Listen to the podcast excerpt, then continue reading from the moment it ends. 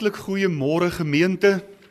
Wat 'n voorreg om in hierdie oggend so saam met u bymekaar te wees by die huis van die Here. Ons verwelkom in hierdie oggend elke een wat op die senders van RSG by ons ingeskakel is by die Evangelies Gereformeerde Kerk in Rietfontein. Kom ons word stil in ons harte. Ons slaan ons oë op na die berge. Waar sal ons hulp vandaan kom? Ons hulp is van die Here wat hemel en aarde geskape het. Wat getrou bly tot in alle ewigheid en wat nooit laat vaar die werk van sy hande nie. Genade, barmhartigheid en vrede van God ons Vader en ons Here Jesus Christus deur die kragvolle werking van die Heilige Gees. Amen. Ons antwoord op die seëngroet van die Here en dan sing ons vanmôre as loflied Psalm 18 daarvan vers 1 en vers 14 Ek het u hartlik lief o Heer. U is my sterkte en teeweer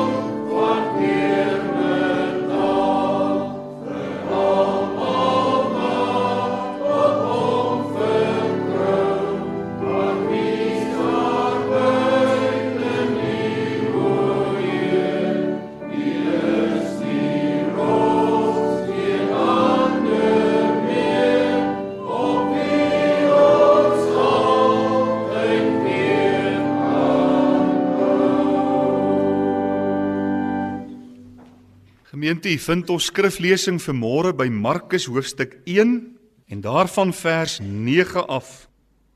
En in daardie dae het Jesus van Nasaret in Galilea gekom en is deur Johannes in die Jordaan gedoop. En dadelik toe hy opklim uit die water, sien hy die hemele skeur en die Gees soos 'n duif op hom neerdaal.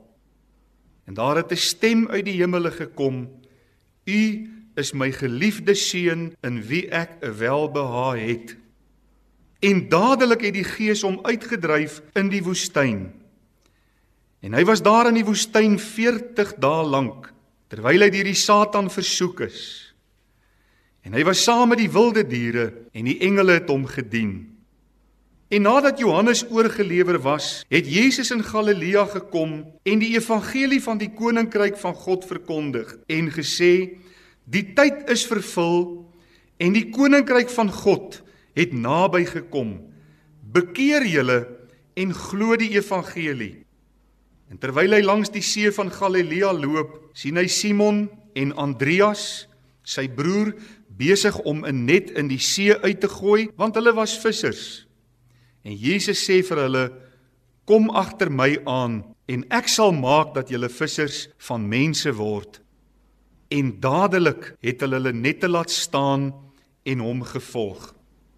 En toe hy daarvandaan 'n bietjie verder gaan, sien hy Jakobus, die seun van Zebedeus, en Johannes sy broer wat besig was om die nette in die skei heel te maak. En dadelik het hy hulle geroep en hulle het hulle vader se bedees met die gehuurde mense in die skei laat staan en hom gevolg.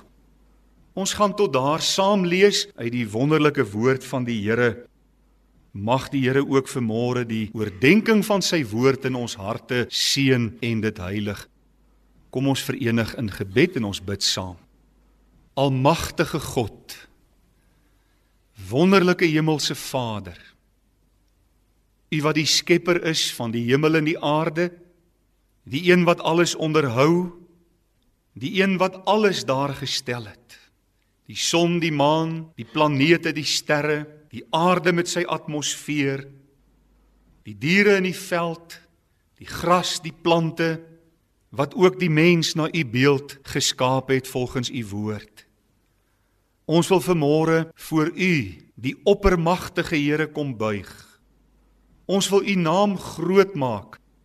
En ons wil u dank dat u vir ons nog 'n geleentheid skep waar ons om u woord kan verenig, waar hierdie erediens vanuit ons harte net tot eer en tot verheerliking van u naam en dan tot die opbouing van ons geestelike lewens is, wil ons u uit ons harte uitdank.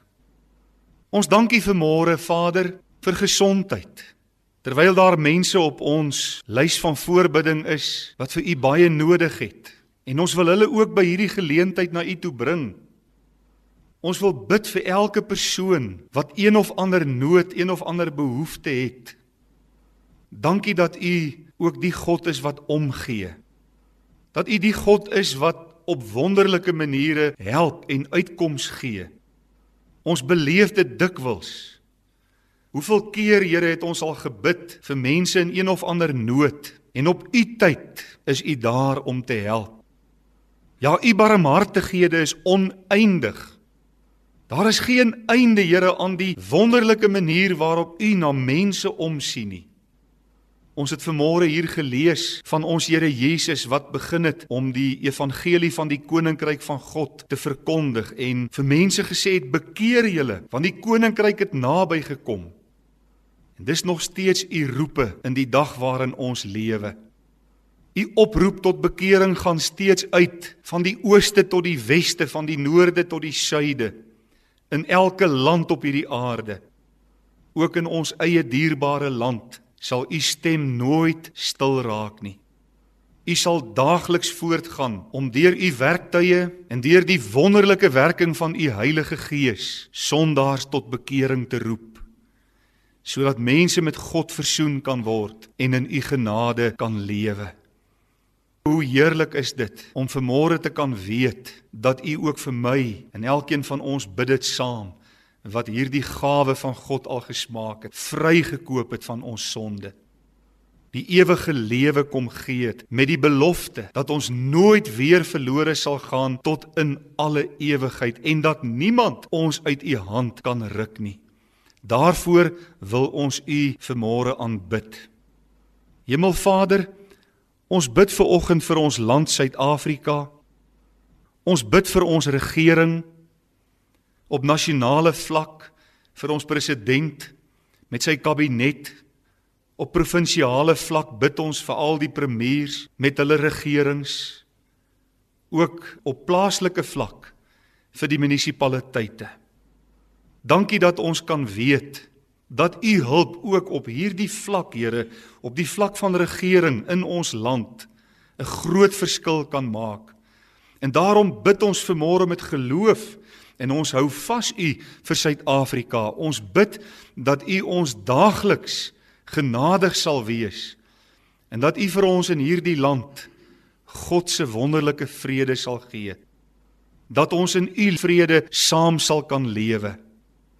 En nou wil ons bid dat u ook in ons harte in hierdie oomblikke hier in die gebou waar ons bymekaar is en ook elke een wat ingeskakel is op die senders van RSG dat u u geestelike reën in ons harte sal kom uitstort. Maak ons ontvanklik om te hoor wat wil die Here vanmôre met ons elkeen kom deel.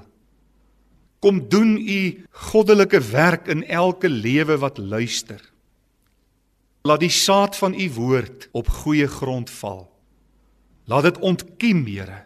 Laat dit opkom en wasdom bereik en vrug dra 30 60 100voudig in ons elkeen se lewe. Dit bid ons, nie omdat ons enige iets verdien nie, want ons weet ons het geen verdienste voor U nie. Ons bid dit uit U groot genade met danksegging in ons harte om Jesus ontwil. Amen. Ek wil graag vanmôre uit die eerste paar hoofstukke van Markus met u praat oor die tema heelhartige mense in 'n halfhartige wêreld. Die woorde van ons Here Jesus in Johannes 4 vers 23 staan tot ver oggend toe vas en waar. As hy sê maar daar kom 'n uur en dit is nou wanneer die ware aanbidders die Vader in gees en in waarheid sal aanbid. Want die Vader soek ook mense wat hom so aanbid. Die Vader soek mense wat hom met hulle hele hart, met hulle hele siel, met hulle hele verstand en met al hulle krag liefhet en aanhang en dien te midde van 'n wêreld wat die rug toenemend op die Here keer. En ons gaan nie vanmôre ons fokus plaas op hierdie deurmekaar wêreld waarin ons lewe nie. Ons gaan nie vanmôre fokus op mense wat nie die Here wil dien. Op mense wat niks met die Here te doen wil hê nie. Ons wil graag vanmôre vanuit die woord aan die voorbeeld van ons Here Jesus kom leer Hoe lyk mense wat hom heelhartig dien te midde van 'n halfhartige wêreld? Daar is soveel mense in die Bybel vir ons opgeteken wat die Here met hulle hele hart gedien het. As ons maar net dink aan Moses daar by die brandende bos toe die Here vir hom sê trek die skoene van jou voete af want die grond waarop jy staan is heilige grond en God hom roep om sy volk uit Egipte land te gaan verlos. Ja, Moses was aanvanklik 'n bietjie terughoudend en hy het geaarsel, hy het gehuiwer. Maar die oomblik toe hy sê ja, Here, ek sal dit doen, was daar niks wat hom gekeer het nie. Was daar niks wat hom teruggehou het nie. Het hy dit met sy hele hart, met sy hele siel, met alles wat in hom is gedoen. Ek dink een van die mees uitstaande voorbeelde in die Ou Testament van persone wat die Here met hulle hele hart gedien het te midde van 'n afvallige tyd was Joshua en Caleb, die twee verspieders, wat gesê het: "Maar ons moet hierdie land inneem. Ons moet geloof in God hê. Die Here sal ons help." En ek lees vir u uit Numeri 14 vers 24 wat God oor Caleb gesê het. Hy sê: "Maar my knegg Caleb omdat 'n ander gees in hom was en hy volhard het om my te volg. Hom sal ek bring in die land waarin hy gekom het en sy geslag sal dit in besit neem. 'n Man wat bereid was om God heelhartig te dien. So was daar ook heelwat vroue in die Bybel opgeteken. Ons dink aan Rut. Ons dink aan Ragab toe die volk die stad Jerigo ingeneem het. En ver oggend wil die Here na 1 Mei in 2018 uitreik. En wil hy ook in hierdie gemeente en elders in ons land waar mense na hierdie boodskap luister, manne en vroue kom uitsoek wat bereid sal wees om ver oggend opnuut te sê: Here met my hele hart wil ek U dien. Ek wil nie 'n dubbel hart hê nie. Ek wil U nie halfhartig dien nie, maar met my hele hart, met my hele siel, met alles wat in my is, wil ek U dien en wil ek U volg. En die voorbeeld wat ons dan in hierdie oggend aan U gaan voorhou, is die voorbeeld van ons Here Jesus self. Ons gaan nie na Moses kyk of na Caleb of na Rut of na Ragab of na wie ook al anders nie. Ons gaan kyk na die lewe van ons dierbare verlosser en ons heiland En uit sy lewe wil ons dan ver oggend leer. Hoe kan ons ook in die dag waarin ons leef, heelhartige mense te midde van 'n halfhartige samelewing wees? En die eerste eienskap wat ons in die Here Jesus raak sien van heelhartigheid is dat hy onverpoos aan die werk gespring het as dit nodig was. U sou oplet dat Markus die evangelie van aksie is. Markus is soos 'n fotograaf wat 'n reeks fotos neem en dit vertoon. En u sal sien dat in Markus is daar byvoorbeeld nie 'n geboorteverhaal nie. Daar is nie 'n geslagsregister nie. Markus 1 val met die deur in die huis en vertel onmiddellik van die bediening van Johannes die Doper waar hy besig was om daar in die Jordaanrivier te doop. Daar is dadelik aksie. In die oomblik as die Here Jesus gedoop is en aan die volk geopenbaar is as die Messias, is die eerste woord wat op sy doop volg die woord en dadelik. En u sal ook sien dat hierdie woord, die Griekse woord kai eutheos immediately instantly straight away dwars deur Markus figureer. Telkens in elke hoofstuk amper kom hierdie woordjie en dadelik voor. Dit is amper asof die Here Jesus nie eens asemhaal tussen gebeure nie. Hy gaan onverpoost voort met die werk wat God vir hom gegee het om te doen. Ongelukkig sal u sien dat in van die moderne vertalings hierdie woorde in die vertaling verdwyn het soos water in sand en dit is vir my baie jammer want dis 'n baie belangrike onderdeel van die Markus Evangelie om hierdie aksie en hierdie spontaniteit en die onmiddellikheid van die optrede van die Here Jesus raak te sien. Ons kyk in vers 1 vers 10 Dadelik toe hy opklim uit die water, sien hy die hemele skeur. Vers 12 en dadelik het die Gees hom uitgelei in die woestyn. 1 vers 18 Dadelik het hulle hulle net te laat staan en hom gevolg. 1 vers 20 Dadelik het hy hulle geroep en hulle het hulle vader se bedees met die gehuurde mense in die skei laat staan en hom gevolg. Kan u die heel hartigheid in die Markus Evangelie sommer dadelik sien met die onverpoostheid geen huiwering by die mense om dadelik te reageer, om dadelik te sê, Here, hier is ek. Ek wil vir u werk. Gebruik my. Iemand sal nie met soveel oorgawe iets aanpak. Iemand sal nie so dadelik aan die werk spring as jou hart en jou siel nie daarin is nie. En ook vandag soek die Here na mense wat hom so sal dien roep hy mense na hom toe volgens 2 Kronieke 16 vers 9 waar daar staan want die Here sy oë deurloop die hele aarde om diegene kragtig te steun wie se harte onverdeeld op hom gerig is. Soek die Here na mense wat dadelik sal reageer soos die Here Jesus as hy roep of as hy 'n opdrag gee. Mense wat soos Jesaja sal sê, hier is ek Here Stuur my, gebruik my. Nie eens verskoning soek en allerlei redes hoekom ek dalk nie nou vir die Here kan iets beteken nie, maar dadelik sal reageer en onverpoost aan die werk sal spring. In die kragtige belofte van die Here wat sê Hy sal diegene kragtig steun wie se harte so onverdeeld op hom gerig is. En weet jy, die wêreld is vol bewyse van hoe God mense kragtig steun wat so onverpoost, ondubbelhartig, ja heelhartig hom dien en hom volg. Ons sing die haleluja lied, lied 231. Die tweede vers sê: Werk want die nag kom nader werk deur die hele dag. Vul elke uur met arbeid, eenmal sal ons rus.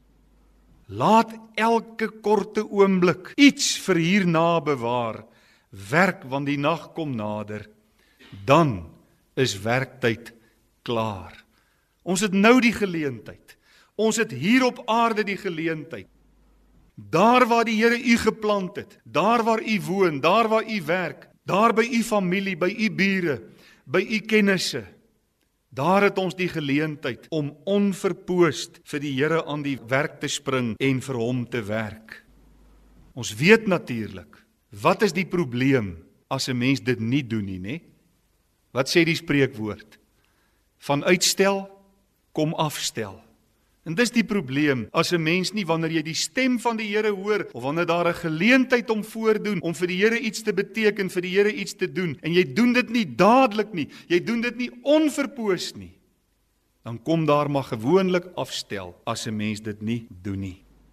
Maar dit bring ons by die tweede eienskap van iemand wat die Here heelhartig dien. En dit is dat jy weerstaan die vyand met alles wat jy in jou het. So belangrik om hom die siele vyand te weerstaan. Ons lees nou hoofstuk 1 vers 12 weer hierdie woord en dadelik het die gees hom uitgedryf in die woestyn vers 13 sê hy was daar in die woestyn 40 dae lank terwyl hy deur die satan versoek is. Ja, dis die Heilige Gees wat die Here Jesus die woestyn ingelei het om versoek te word. Die heel eerste ding wat hy moes doen is hy moes die toets van versoeking deurstaan. Daardie toets wat die eerste Adam nie geslaag het in die tuin van Eden nie.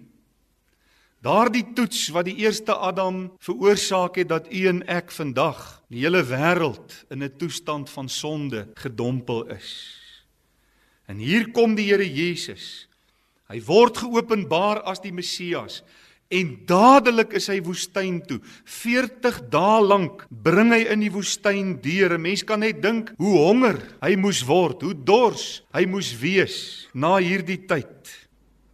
En as 'n mens, jy sal sien dat Markus nie veel detail van die versoeking bespreek of beskryf nie, omdat Markus juis hierdie vinnige evangelie is wat vir ons net wil vertel wat het gebeur en die vinnige opeenvolgende gebeure aan ons wil beskryf. Maar as 'n mens na Matteus 4 toe blaai, dan uh, sal 'n mens sien dat die versoeking daar pragtig beskrywe word.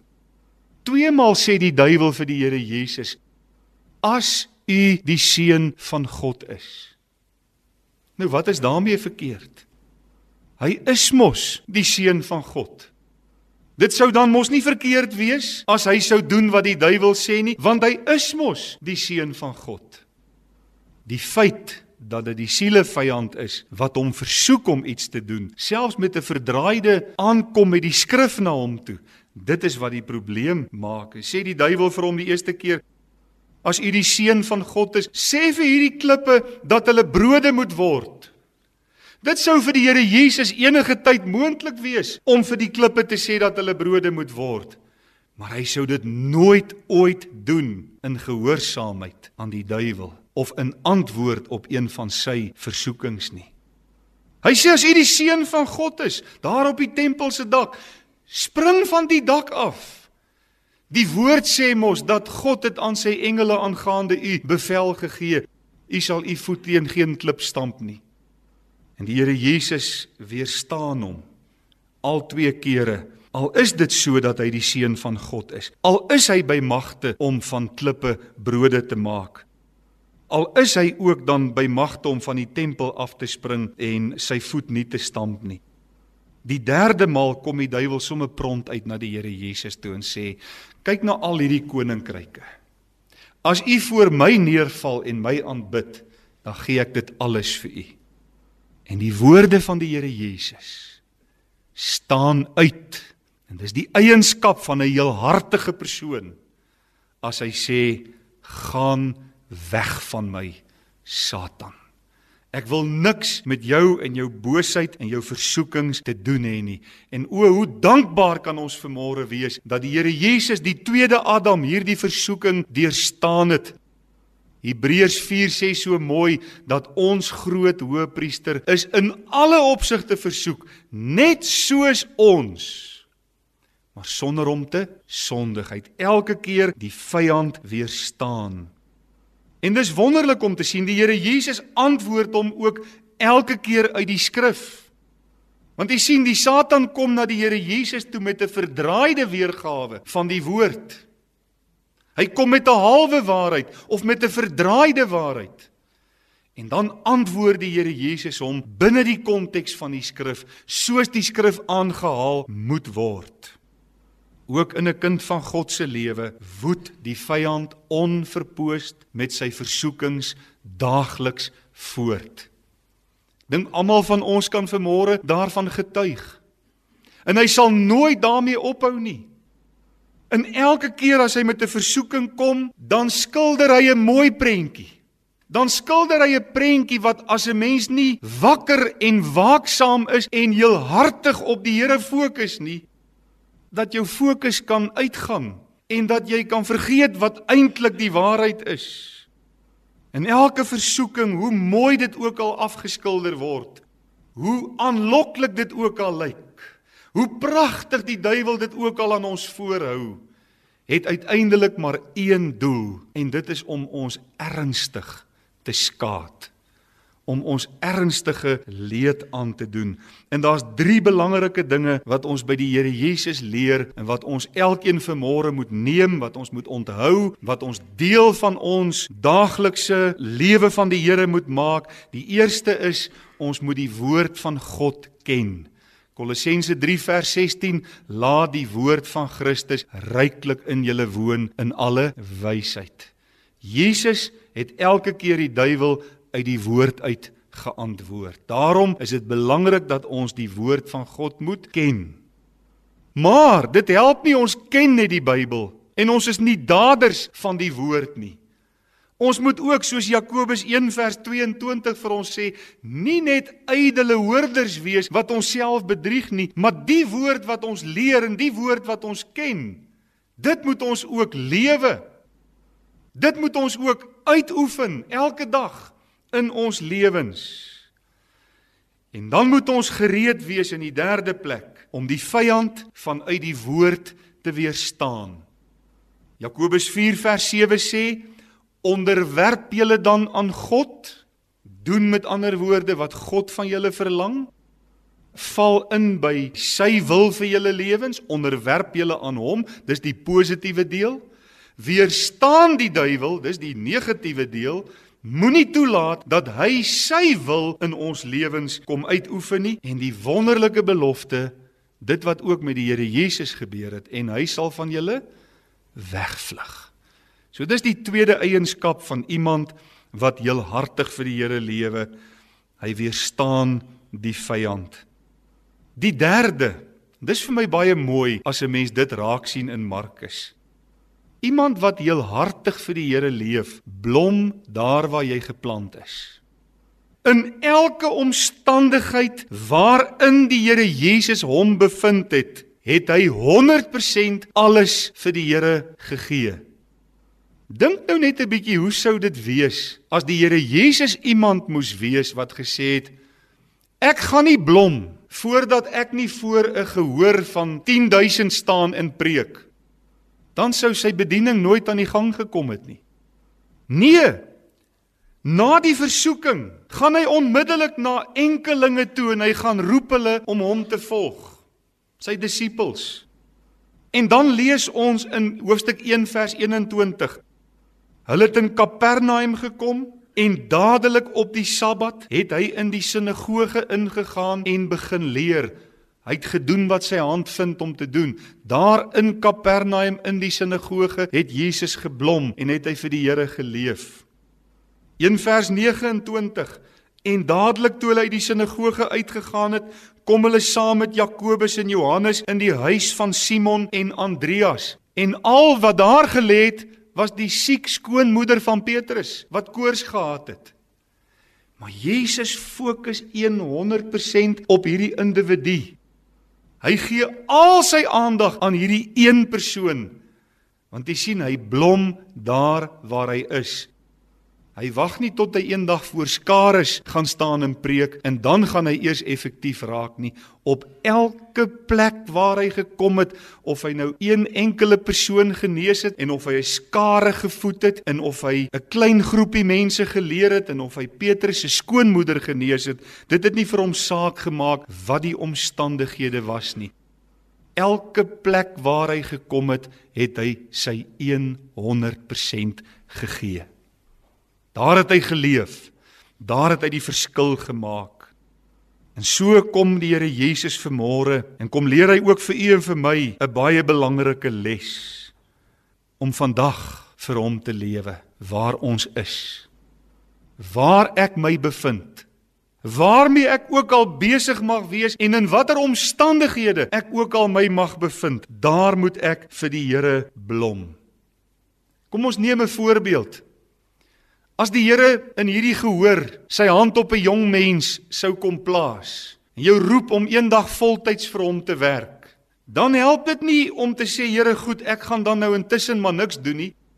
Ek gaan nou maar so deur die skool klaar maak en dan sal ek maar eendag na die seminarie of na die kweekskool toe gaan en ek sal maar die 4 jaar daar deurbring maar heeltemal onder die radar. Ek gaan niks vir u beteken nie. En dan gaan ek maar eers my praktiese jaar klaar maak en dan gaan ek maar eers so 5 of 6 jaar ondervinding opdoen en dan sal ek eers vir u begin lewe nie. Nee, Dit maak nie saak of 'n mens 'n tuinier is en of jy 'n klerk is en of jy 'n polisieman is of 'n student op universiteit of college of 'n skoolier en of jy by die aftreeoord woon. Dit maak nie saak wie jy is nie. Die Here wil hê jy moet vir hom blom daar waar hy jou geplant het. Dis wat ons by hom leer. Dis wat hy gedoen het. Op elke plek waar hy gekom het, het hy 'n verskil gemaak. Nou Waar ek my ook al bevind, is die plek waar die Here my wil gebruik. Die laaste eienskap waarna ons vanmôre gaan kyk in terme van iemand wat die Here heelhartig dien in hierdie halfhartige wêreld, is dat so iemand dissiplineer hom of haarself in gebed. Markus 1 vers 35. En vroeg in die môre, nog diep in die nag, het hy opgestaan en uitgegaan en na 'n een eensame plek vertrek en daar gebid. Markus 6 vers 46. En nadat hy van hulle afskeid geneem het, het hy na die berg gegaan om te bid. Markus 14 vers 32. Toe kom hulle in 'n plek waarvan die naam Getsemane was, dis aan die einde van sy bediening en hy sê vir sy disippels: "Sit hier onderwyl ek gaan bid. Gebed is ons kragstasie om heelhartig vir die Here te kan lewe. Jakobus sê so mooi julle het nie want julle bid nie. Dis 'n eenvoudige antwoord wat Jakobus ons gee en ons kan maar vanmôre toets in ons lewens. Ons kan maar vanmôre eerlik vir onsself die vraag vra: Het ons geestelik oorvloed? Indien nie, hoe lyk my gebedslewe? Is daar die dissipline om my af te sonder en die Here in gebed te soek. Daar is soveel voorbeelde in die geskiedenis opgeteken van God se manne en God se vroue wat hulle tyd in gebed spandeer het. Martin Luther, die groot hervormer het byvoorbeeld gesê: Ek het elke dag soveel om te doen. Hoor hierdie woorde: dat ek nooit deur my dag sal kan kom as ek nie ten minste 3 ure in die oggend in gebed spandeer het nie. Dit klink soos 'n teenstelling. Klink of 'n mens, 'n gewone mens, vir liter sou wou sê, liter bid liewer 2 ure minder dan jy 2 ure meer om goed te doen. Maar weet jy wat het hy gevind? As hy sy gebedstyd afgeskeep het, het hy nie deur sy dag gekom nie. Dit beteken nie daar's nou 'n reël wat sê u moet elke dag 3 ure bid nie. Spurgeon het gesê 'n sug uit die hart is beter as 3 ure in nuttelose gebed. Dit gaan nie oor hoe lank 'n mens bid nie, dit gaan daaroor dat 'n mens 'n kwaliteit gebedslewe met die Here moet hê. So lees ons byvoorbeeld van Andrew Murray. Natuurlik is hy in Suid-Afrika die voorbeeld by uitstek van 'n gebedsreus. Hoe hoeveel boeke oor gebed geskryf. En uh, Andrew Murray het dood eenvoudig gesê as jou geestelike lewe gesond is onder die volle krag van die Heilige Gees, sal voortdurende gebed iets natuurlik wees. Dit sal soos asemhaal wees. Dit sal nie iets wees wat jy met inspanning hoef te doen nie. Een van die uitstaande mense in gebed is natuurlik E.M. Bounds. Hy het gesê niks kan opmaak vir die versuim om te bid nie. Geen ywer, geen toewyding, geen studie, geen geskenke sal ooit kan voorsien as daar 'n gebrek in ons gebedslewens is nie. As ek net weer vir Spurgeon kan aanhaal, ek sal eerder een persoon leer bid as wat ek 'n 100 persone leer preek. Dit sê iets, nê?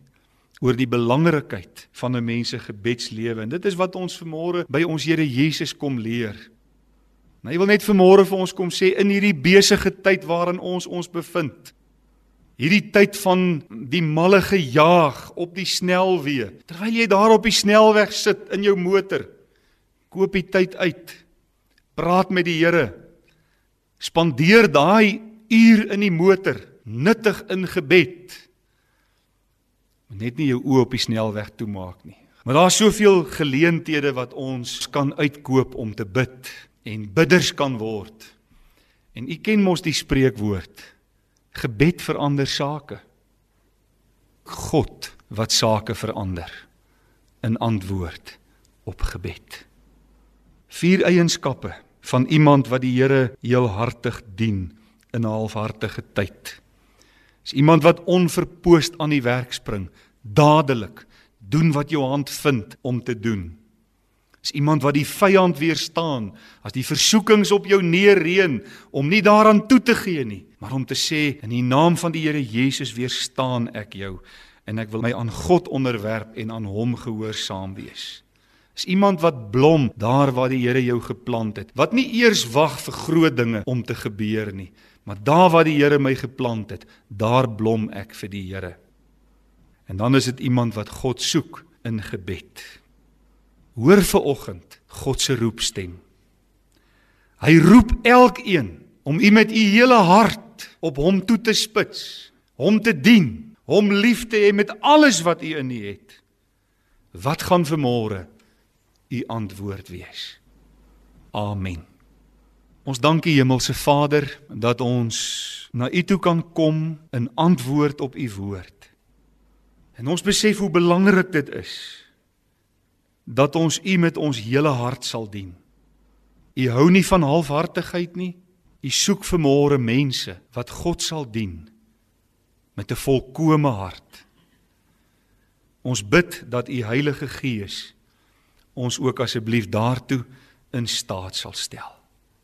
Baie baie dankie vir u bemoeienis met ons. Dankie vir u woord. Ons aanbid u daarvoor in die naam van Jesus. Amen.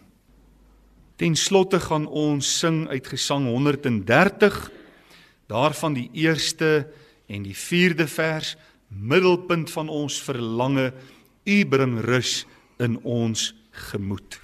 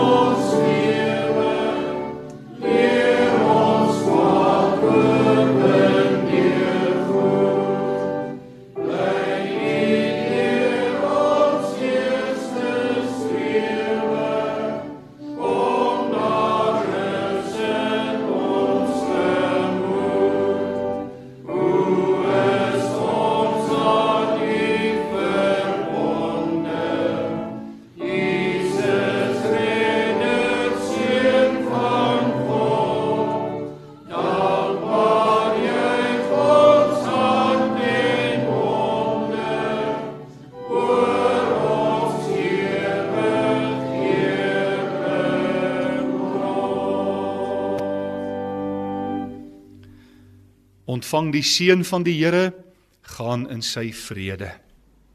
Die genade van ons dierbare Here Jesus Christus, die liefde van God ons Vader En die gemeenskap van die Heilige Gees wees en bly met u elke een. Amen.